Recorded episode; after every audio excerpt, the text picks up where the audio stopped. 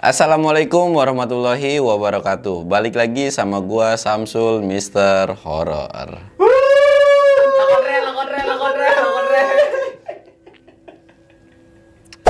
Aduh tiap hari penonton gua ganti-ganti mulu ini muka-mukanya ini muka-muka ah, ya udahlah nggak usah disebutin penonton gua kayak gimana ya lu udah tahu sendiri lah. Pada kesempatan kali ini gue bakal ngebawain sebuah cerita atau dongeng dari salah satu orang nih. Dia tuh pernah jadi korban pesugihan yang katanya Nyi Roro Kidul. Sama bang, temen gue juga ada korban. Siapa? sebelah gua, Aduh iya lagi. korban. Iya lagi. Lari. Nih, sebelum gue lanjut ke ceritanya, buat lo semua yang mau support gue, wajib subscribe channel gue, jangan lupa like sama komen, dan jangan lupa nyalain lonceng notifikasinya. Nggak usah banyak bacot lagi, kita langsung aja mulai ke segmen dongeng horornya. Dongeng horor dimulai.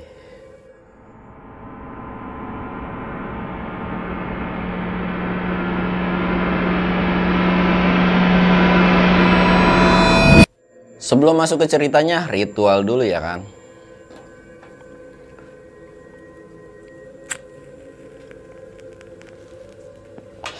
Jangan lupa ngopi biar nggak panik.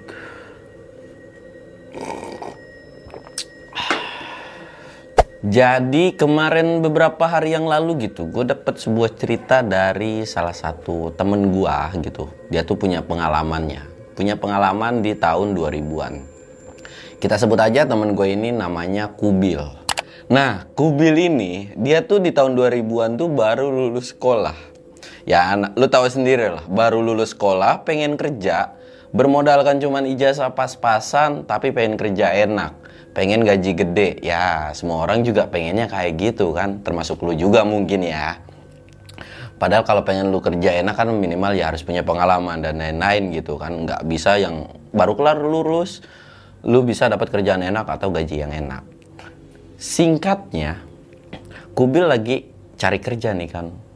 Eh, kayak ngirim CV ke mana-mana. Tapi ya sebenarnya ada sih beberapa eh, perusahaan yang mau nerima dia. Cuman ya gajinya itu kecil. Dia tuh kayak ah nggak mau ah tiap nanya kerja gitu kan gajinya kecil nggak jadi nggak jadi sampai akhirnya ada tetangganya nih karena tahu si Kubil ini lagi nyari kerja tetangganya tuh nawarin Bill lu mau nggak nih ada kerjaan? Kubil nyaut dong kerjaan apa bang? Eh, jadi tukang kebun sih katanya tuh jadi kayak tukang kebun atau jagain rumah kata si tetangganya itu. Wah emang gajinya berapa? Nggak tahu cuman ya lumayan gede. Coba aja nih lu telepon nomornya. Siapa tahu lu tertarik dan minat. Cuman kata si tetangganya ini tuh lu kerjanya di perkampungan bisa dibilang mungkin kata si tetangganya itu orang paling kaya di kampungnya gitu kan. Oh ya udah di save lah tuh atau disimpan lah nomor si eh, orang yang mau ditelepon itu kan. Cuman nggak langsung ditelepon. Si kubil ini tetap tetap ikhtiar yang namanya nyari kerjaan enak gaji gede. Terus sampai beberapa hari setelah dari tetangganya itu ngomong dia juga nggak dapat dapat kerja kan bingung. Nggak tahu gimana kata si kubil ini tuh dia langsung kayak keinget sama satu nomor itu kan. Iseng-iseng lah si kubil ini nelpon. Nelpon kan. Halo assalamualaikum gitu kan. Ditanyain lah tentang eh, perihal pekerjaan itu kan. Ternyata benar si orang itu tuh lagi ngebutuhin yang namanya eh, tukang kebun atau sekaligus orang yang bisa dibilang buat jaga rumah juga kata si itu tuh si Kubil juga nggak tahu orangnya tuh yang ditelepon tuh namanya kalau nggak salah lupa lah dia sendiri. Sebut aja Imam gitu ya Pak Imam. Nah si Pak Imam ini ngejelasin nih kalau dia juga sebagai perantara jadi kalau memang benar mau niat kerja ya udah datang aja dikirimin nih alamatnya. Alamat eh, rumah si orang yang ngebutuhin kerja ini kan sebutuh apa namanya pembantu inilah anggaplah pembantu. Dikirim alamatnya terus eh, kalau memang bisa segera mohon segera kata si Pak Imam ini. Ya udah ditanya kan sama si Kubil tuh emang gajinya berapa pak kalau boleh tahu? Soalnya saya kan dari Jakarta gitu. Sedangkan saya ke Jakarta terus tiba-tiba pindah ke kampung kan saya takutnya malah eh, gajinya tuh si Kubil ini tuh kayak ah nggak mau pokoknya kalau kerja eh, gaji kecil tuh.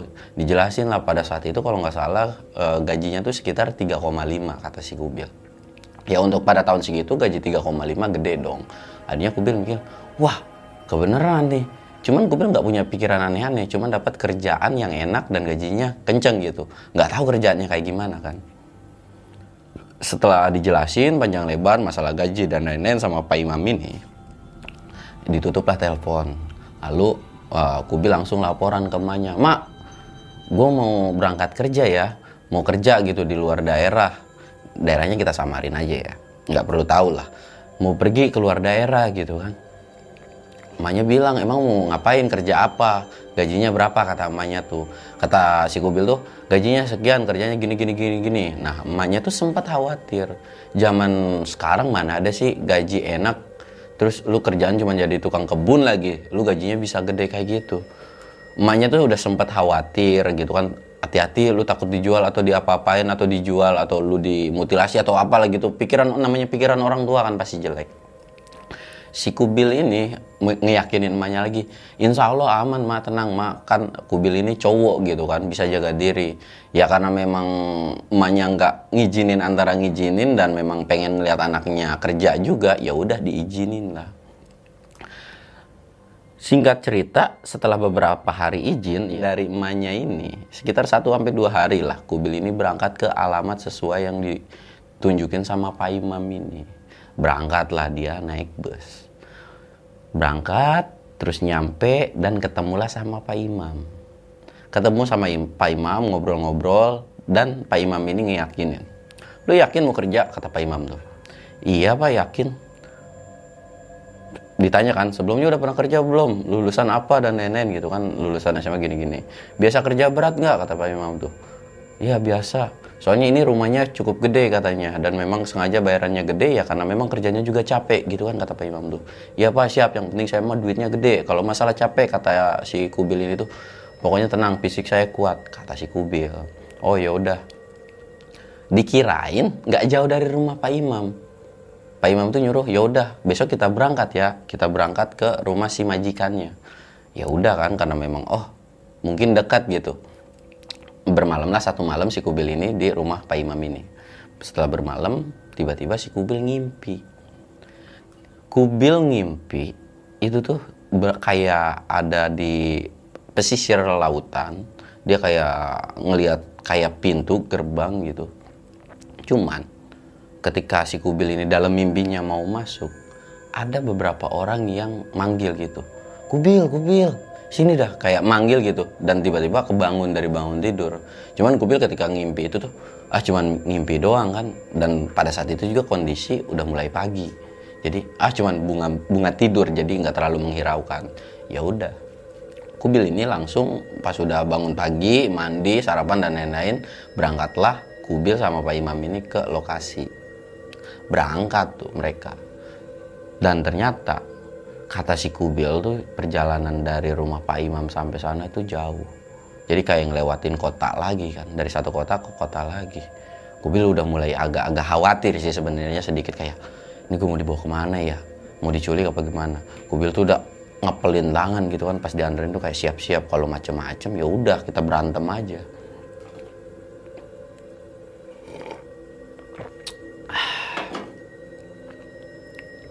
Berangkat, berangkat, singkat cerita, pas sore hari, sampailah kubil di rumah si majikannya ini. Pas mulai masuk, ternyata di rumah itu tuh ada satu pembantu cewek. Dan yang kedua itu kubil. Nah, pas datang hari itu tuh, kubil belum melihat majikannya nih. Jadi pas datang gitu kan, Assalamualaikum, ketemu sama pembantu ceweknya. Dan ketemu sama si pembantu ini kan. Si pembantunya ini tuh kayak uh, mereka Pak Imam sama si apa si pembantu ini tuh kayak paham. Jadi kayak udah tahu kalau majikannya nggak ada jadi Pak Imam yang ngatur-ngaturin itunya si Kubil ini diajak muter-muter nih ke rumahnya dan Kubil pun pada saat itu tuh kayak wah gila anjir di kampung gitu kan rumahnya tuh bagus. Dan bisa dibilang itu rumah paling bagus di kampungnya itu tuh dan ada halamannya, ada kolam, bahkan ada kolam renangnya juga, kebunnya lumayan cukup bagus kata si Kupil. Pokoknya bagus, udah kayak villa dah. Rumahnya juga, pokoknya wah keren dah. Keren banget menurut Kubil juga. ketika udah diajak muter-muter dikasihlah kerjaan Bill untuk saat ini gue belum ngasih tahu kerjaan lu ya karena ya yang dibutuhin sih sebenarnya tukang kebun dan untuk jagain rumah cuman kata Pak Imam ini uh, untuk sementara lu nggak perlu kerja dulu lu silahkan uh, istirahat nanti bakalan dikasih tahu sama pembantunya nih. Dikasih tahu nih lu harus tidur di mana dan ngapain aja. Dan si kubil ini dikasih uang saku atau uang jajan selama nggak kerja 50 ribu satu hari. Lu bayangin nggak kerja cuma disuruh rebahan dikasih duit 50 ribu. Kubil yang ngedenger dapat duit kayak gitu kan ya merasa seneng aja kubil tuh sempat nggak berpikiran aneh-aneh dan macem-macem. Ya lu tahu sendiri lah namanya orang baru lulus dikasih duit dapat duit gede gitu kan ya seneng-seneng aja dong. Pada akhirnya ya udahlah bodo amat. Dan uh, Pak Imam ini ternyata cuma sebatas uh, nganterin doang kan setelah di, dikasih tahu rumah sekian besarnya terus ruangan-ruangan dan lain-lain dan uh, ngasih tahu juga peraturan di rumah itu apa. Ya udah Pak Imam itu untuk apa namanya pamit lah undur diri sama si Gubil ini Bill, gue pamit dulu ya. Nanti kalau ada apa-apa katanya telepon aja lu. Tinggal minta tolong sama si pembantu ini buat nelpon gue kalau memang ada apa-apa. Oh Kubil ya dengan senang hati, iya siap siap siap. Pokoknya kata Pak Imam ini, lu rebahan rebahan aja, mau ngapain terserah. Yang penting lu jangan macam-macam, jangan panjang tangan gitu kan. Siap nggak apa-apa. Apalagi udah kata si Kubil tuh gue udah dapat duit gocapan. Tenang gue orangnya amanah. Selama duit kenceng dia bilang tuh, tenang gue mah aman-aman aja gitu kan. Ya udah Pak Imam ini pulang. Sampai satu malam itu masih belum terjadi apa-apa di rumah itu. Uh, kita sebut aja si pembantu ini namanya Mbak Kokom Nah, Mbak Kokom ini tuh ya bukan ibu-ibu banget sih, jadi kayak ya umuran 30, 30-an lah. Dan udah bersuami juga. Mbak Kokom ini selalu ngasih uang 50 ribu sehari sama si kubil ini. Jadi tiap hari dikasih makan, udah makan, terus ya rebahan gitu, bahkan rokok juga kadang-kadang kalau karena kondisinya tuh rumahnya ini dibilang jauh banget dari warga enggak. Cuman agak apa ya agak agak jauh lah agak jauh sedikit. Jadi kayak mungkin jalan harus sekitar 5 sampai 10 menit itu baru ketemu namanya rumah warga yang lain. Ya karena kondisinya pada saat itu rumahnya si majikannya ini ada di dalam perkampungan gitu kan. Ya udah tiap hari hari pertama hari kedua hari ketiga hari keempat, hari kelima, bahkan sudah satu minggu kubil itu masih belum disuruh kerja apa-apa. Dan terus dapat duit uang 50 ribu dari si pembantunya ini. Ketika udah satu minggu di rumah itu, kubil baru ngerasa kayak ada yang aneh nih. Kok gue nggak disuruh kerja kerja gitu. Sedangkan pembantunya yang Mbak Kokom ini dia tuh tiap hari ngepel, nyapu. Ya kubil juga bingung kan ya kayak ngedeketin lah Mbak Kokom ini. Mbak Kokom, ya udahlah saya bantuin daripada saya nganggur nggak enak juga kan dapat uang dapat uang. Tahu-tahu nanti saya kerjaan saya banyak gitu kan. Udah saya bantuin Mbak Kokom aja. Kata Mbak Kokom nggak usah mas ini udah kerjaan saya. Uh, mas uh, ikutin apa yang udah diperintah aja gitu. Karena majikan di sini kalau misalnya nggak ikutin perintah kadang-kadang suka uh, apa namanya suka ngomel-ngomel. Ya udah selama dikasih enak nikmatin aja. Kalau misalkan nggak enak juga nanti mas sendiri yang capek. Gitu ya. Ah ya udah deh Nah, ketika memang dia jenuh kan, ketemunya sama Mbak Kokom lagi, Mbak Kokom lagi. Dia coba izin ke Mbak Kokom lah. Mbak Kokom, aku boleh keluar nggak? Kata Mbak Kokom, oh silakan. Emang mau ngapain keluar? Ya, mau nyari warung aja, kata dia. Mau jajan-jajan. Saya dikasih duit 50 ribu juga percuma dong kalau saya nggak jajanin kan. Oh ya udah, yang penting sebelum maghrib harus udah sampai rumah ini. Kata Mbak Kokom. Oh siap mbak, saya nggak bakal lama kok cuma nyari warung ya beli rokok atau apa pun gitu jajanan nanti saya pulang lagi. Berangkatlah. Uh, si karena udah dapat izin dari Mbak Kokom ini kan berangkatlah. Si kubil ini nyari desa gitu kan berangkat. Karena udah dikasih tahu juga sama Mbak Kokom ini kan. Berangkat udah masuk ke desa sekitar jalan 5 sampai 10 menit. Uh, nemulah satu warung gitu kan. Biasa bikin kopi, minta beli kopi kan. Bu bu beli kopi dong kopi matang gitu kan. Kopi hitam dia bilang ya udah bikin kopi nah si ibu warung ini kan karena wah siapa nih orang asing gitu kan kok baru kelihatan mukanya ditanya lah dek ada orang mana kok baru ngeliat ya ibu oh saya orang Jakarta bu saya baru kerja di sini Oh gitu, kerja di mana? Dikasih tahu lah. Saya kerja di rumah yang gede sebelah sana. Ibu-ibu itu langsung kayak ngerutin dahi dong. Di rumah yang gede itu yang di sana yang kelihatannya serem. Iya bu, nggak serem kok malah enak ada orangnya. Si ibu-ibu ini masih cuman kayak gagapan gini. "Eh, oh iya iya mas, ya udah mas silakan minum kopinya. Ibu ini uh, sempat ngerutin dahi dan lain-lain. Bahkan si kubil ini tuh sempat kayak curiga nih, kenapa ada apa ini ketika nyebutin rumah gede itu. Cuman nggak mau ambil pusing ya udahlah ngopi, ngopi ngerokok. Nggak sampai lama sih di situ kubil cuman ada sekitar setengah jam lah, setengah jam lebih mungkin. Setelah ngopi, uh, kubil ini nyetok rokok kan, beli rokok. Ya udah dia pulang. Sebelum pulang sebenarnya ada yang manggil kubil. Dek.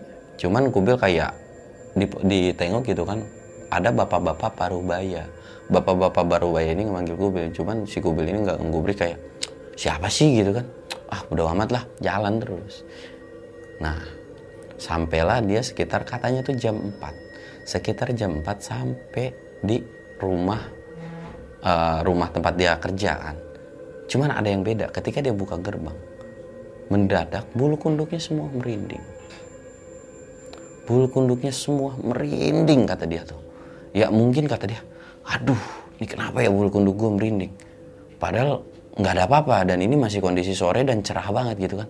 Ah mungkin cuman uh, apa cuman pikiran biasa gitu kan jalan lagi masuk ke dalam rumah dan pas masuk ke dalam rumah ada Mbak Kokom juga cuman kali ini Mbak Kokom yang biasanya ramah pas ditanya sama Kubil sore Mbak Mbak Kokom cuma melotot sambil ngeleos.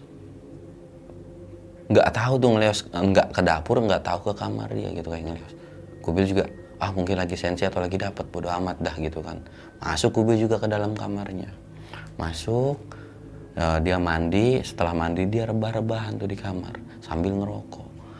Dia mikir, aduh enak banget ya kerja kayak gini sehari 50 ribu udah dapat gaji dan sekarang gue belum dapat belum dikasih kerjaan majikan gue juga nggak tahu ke mana kata dia ya kerja kayak gini mah gue betah banget anjir rebahan doang dapat duit gitu kan padahal dia nggak tahu nih konsekuensinya ketika dapat kerjaan enak dan caranya cepet itu pasti ada resikonya kan ketika udah rebahan kayak gitu mulailah menjelang malam Pokoknya itu sekitar di hari dia tinggal di situ tuh hari ke-8 atau hari ke-9.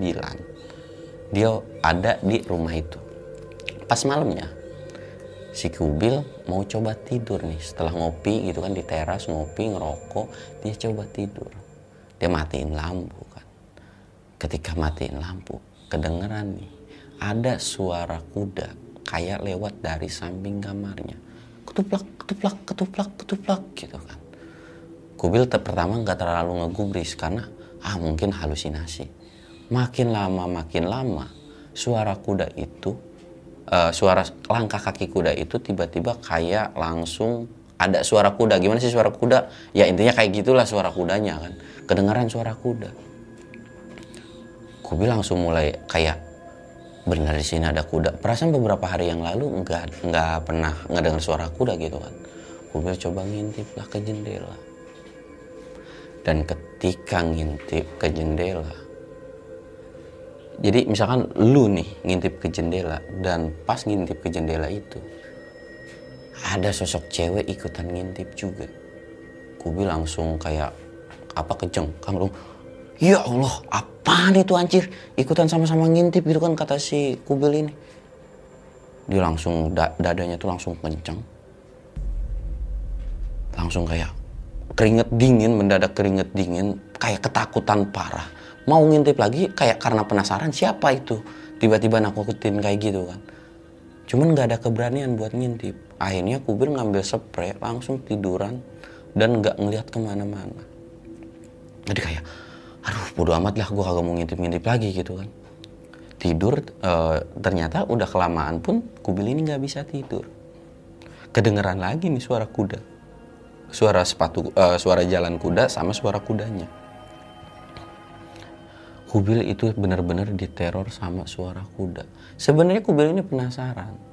Kubil itu penasaran banget pengen ngeliat keluar bener nggak ada kuda gitu kan.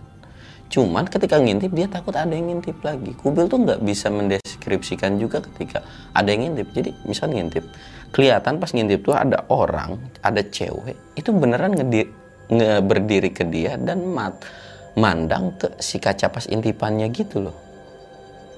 Jadi kayak, wah itu apaan ya? Ya otomatis kaget dong karena kan selain Mbak Kokom di situ nggak ada siapa-siapa lagi. Ketika Kubil ketakutan masih terus ngedengaran suara kuda. Kubil tuh pengen coba nyoba tidur. Nyoba tidur tapi tetap nggak bisa-bisa. Ketika udah masuki jam 12, jam 1 malam itu agak sunyi, nggak ada suara kuda lagi. Cuman kali ini ada yang ngetok pintu kamarnya si Kubil. Ada diketok kan. Tok, tok, tok gitu. Kubil langsung, siapa nih? Mbak Koko nggak mungkin. Diem dulu tuh Kubil nggak langsung ngerespon ketokan. Ketok lagi. Pas udah diketok, terus-terusan diketok gitu. Kubil tuh kayak, ya gimana sih kalau orang ketakutan ada rasa pengen ngebuka tapi takut gitu kan. Diem lagi. Tiga kali diketok. Mbak Koko bukan. Nggak ada yang nyautin. Mbak Koko gak usah nakut-nakutin dong gitu kan kata si Kubil nih. Mbak Koko gak usah nakut-nakutin terus diketok-ketok. Si Kubil terus teriak-teriak Mbak Kokom jangan gitu jangan gitu. Makin lama itu ketokan makin kenceng yang tadinya cuma tok tok tok tok tok sampai akhirnya kayak digebrak bruk bruk bruk bruk, bruk gitu. Kubil makin panik makin ketakutan dan hampir nangis. Minta tolong gitu kan. Cuman ya bingung juga area perkampungan di situ kan lumayan cukup jauh ya udah Kubil tuh kayak tetap ngumpet di selimut ketakutan. Tolong dia bahkan dia sempat uh, teriak-teriak minta tolong tapi ya mau gimana di situ cuma ada Mbak Kokom doang. Dan uh, si Kud, si Kubil ini tuh terus teriak manggil Mbak Kokom Mbak Kokom tolongin Mbak Kokom tolongin. Gak lama mendadak ada yang buka pintu. Krek dibuka. Dan memang keadaan stop kontaknya tuh kan uh, di situ kan langsung dinyalain truk. Kamu kenapa mas manggil-manggil saya? Ini udah malam loh kenapa belum tidur? Dari situ kubil kayak tarik napas gitu kan langsung ngebuka kepala. Aduh alhamdulillah akhirnya mbak kokom datang juga. Kenapa? Tadi ada yang ngetok-ngetok terus saya pas ngintip ada cewek gini-gini dan ngedengar suara kuda tuh didengerin. Ah kamu mas salah dengar kali mas nggak ada apa-apa kok di sini saya udah lama kerja di sini cuman dari tatapan Mbak Kokom ini tuh ada yang beda. Ya sama kayak pas sore agak judes. Nah sekarang tatapan Mbak Kokom itu kayak kosong. Jadi ah biasa aja mas. Jadi ngomongnya tuh kayak polos biasa, datar-datar aja kan. Udah mas tidur lagi aja. Saya juga mau tidur. Ditutup. Dimatiin lampu lagi, ditutup. Tapi dengan nada nutup pintu kenceng. Bruk! Gitu kan. Kubi langsung kaget. Kenapa sih? Kubil pas sudah kayak gitu tuh langsung lari ke stop kontak dan dinyalain lampu. Ketika nyalain lampu dan balik ke kasur, ada dua pocong lagi tidur. Kubil langsung buka pintu dan itu pintunya nggak bisa dibuka. Dari situ Kubil langsung pingsan. Nggak inget apa pun lagi karena udah saking takut dan paniknya kan. Tidur apa pingsan? Dan ketika bangun dia tuh udah ada di kasur. Dengan kondisi ada Pak Imam ada Mbak Kokom dan ada satu majikannya. Dan ternyata majikannya itu tuh masih sama cewek juga. Ketika bangun pas udah bangun nih si kubilnya itu bilang eh Pak Imam. Pak langsung tuh. Si Kubil tuh langsung nyeritain apa yang terjadi. Kenapa dia bisa pingsan? Cuman Pak Imam bilang nggak ada apa-apa kok di sini.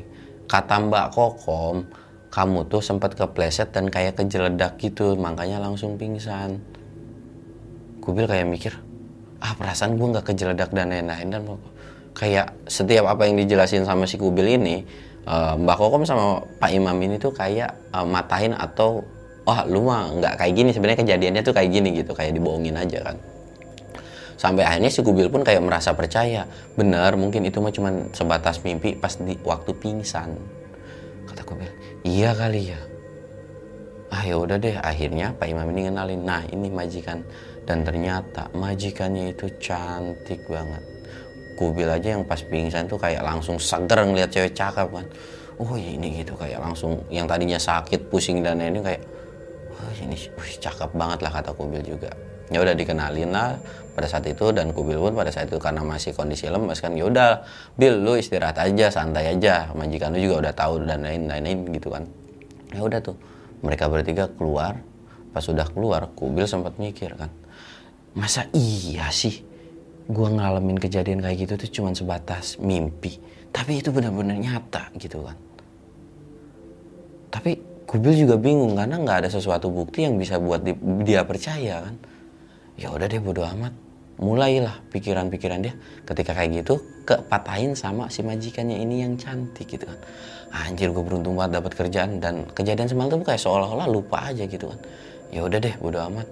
Ketika udah satu hari ini kubil tuh istirahat makan doang keluar ngopi gitu memang gak ada kerjaan besoknya mau mulai kerja. Dan kondisi pada saat itu memang ada majikannya kondisi ada majikannya cuman Pak Imam mungkin udah pulang. Pada saat itu nggak ada katanya tuh. Nanyalah si kubil ini ke majikannya. Eh, jadi kayak manggil bu saya harus kerja apa nih? Eh, saya di sini udah seminggu lebih tapi masih belum kerja. Oh ya udah kamu tidur aja dulu. Untuk saat ini sih belum ada kerjaan katanya. Atau kamu mau ke mana terserah kamu. Yang penting nanti suatu waktu dibutuhkan kamu silahkan kerja. Pokoknya pasti nanti ada kerjaan kok. Dikasih terus. Bahkan ketika ada majikannya kubil ini dikasih uang lebih jadi yang biasanya 50.000 ribu jadi sekarang 70.000 ribu sehari Kubil makin ke sini bukannya makin senang justru dia makin takut. Ada apa nih? Kok tiap hari gue dikasih duit tapi nggak dikasih kerjaan. Bahkan sekarang gajinya tuh eh, uang hariannya tuh kayak gede gitu kan. Padahal di perjanjian tuh dia nggak dapat uang 50 ribu itu. Ya udah kan. Dia bingung. Akhirnya karena kebingungannya itu dia pergilah ke warung lagi gitu. Dan dia izin lagi ke Mbak Kokom, Mbak Kokom, saya pergi ke warung ya, mau beli kopi dan rokok dan lain-lain. Dia pergi lagi ke warung, ketika dia pergi ke warung kayak biasa lah dia pesan kopi terus beli rokok beli cemilan beli jajanan dan lain-lain. Dia ngopi asik-asik tiba-tiba ada laki-laki paruh baya nyamperin duduk. Dan si laki-laki ini kita sebut aja Bang Ahmad atau bisa dibilang ya disebut Bang Ahmad tuh katanya umurannya itu sekitar 30-an lah nggak tua-tua banget duduk kan si Bang Ahmad ini. Pas sudah duduk Bang Ahmad ini pesan kopi juga. Bu saya kopi satu juga ya. Ngopi. Mereka tuh ngopi berdua. Dari dua orang ini nggak ada pembicaraan apa-apa cuman Bang Ahmad bilang Mas ada salam dari bapak saya. Salam dari bapak saya? Siapa? Kemarin Mas katanya pernah ke warung sini tapi dipanggil-panggil nggak nyamperin ya karena si kubil ini memang pada saat itu nggak terlalu ngegubris dan ngerasa nggak enak ditegur sama anaknya gitu ya. Oh iya maaf mas. Soalnya saya kemarin eh, buru-buru ada kerjaan gini-gini jadi saya nggak bisa nyamperin. Berkelit lah gitu kan si kubil ini. Oh ya udah. Eh, sekarang mau ke mana? Mau ke rumah mana lagi? Iya setelah ngopi paling saya balik lagi ke sana gitu. Ini mau ngilangin jenuh aja kerja di situ terus gitu kan. Intinya ya di rumah masa saya nggak main. Oh ya udah si abang itu nggak minum kopinya dan langsung balik gitu. Ya kubil tuh nggak nyapa kan nggak negor kayak mungkin kalau teman eh ini kopi lu nggak diminum gitu kan. Cuman nggak diem aja. Nanya dong si kubil ini ke ibu-ibu bu itu siapa bu? Kok udah pesen kopi? Nggak diminum. Oh dia mah emang udah biasa mas. Ya emang kayak gitu orangnya katanya pesen kopi doang tiba-tiba ya udah nggak diminum nggak tahu memang udah jadi kebiasaan kali. Kubil kayak aneh kan di kampung apa sih? Orangnya kok aneh-aneh gitu kan. Ayo udahlah bodo amat. Kubil lanjutin ngopi lagi. Ketika ngopi datang satu orang-orang agak cukup tua datang duduk. Assalamualaikum. Waalaikumsalam kata kubil oh ini kamu yang saya kepanggil-panggil kemarin gak nyaut? Hehe kubil kayak malu-malu gitu kan. Iya pak saya pak ini kopi anak saya kan? Iya. Eh, yang tadi ketemu kadang gini dijelasin. Iya pak kata kubil tuh diminum tuh. Pas sudah diminum hmm, baru ngobrol tuh. Si bapak ini sebut aja Pak Indra gitu kan. Pak Indra ini tuh bilang memang kamu kerja di mana? Kerja di sana dijelasin sama kubil tuh kalau dia kerja di rumah gede itu. Oh gitu. Nah si bapak-bapak ini atau orang tua ini bilang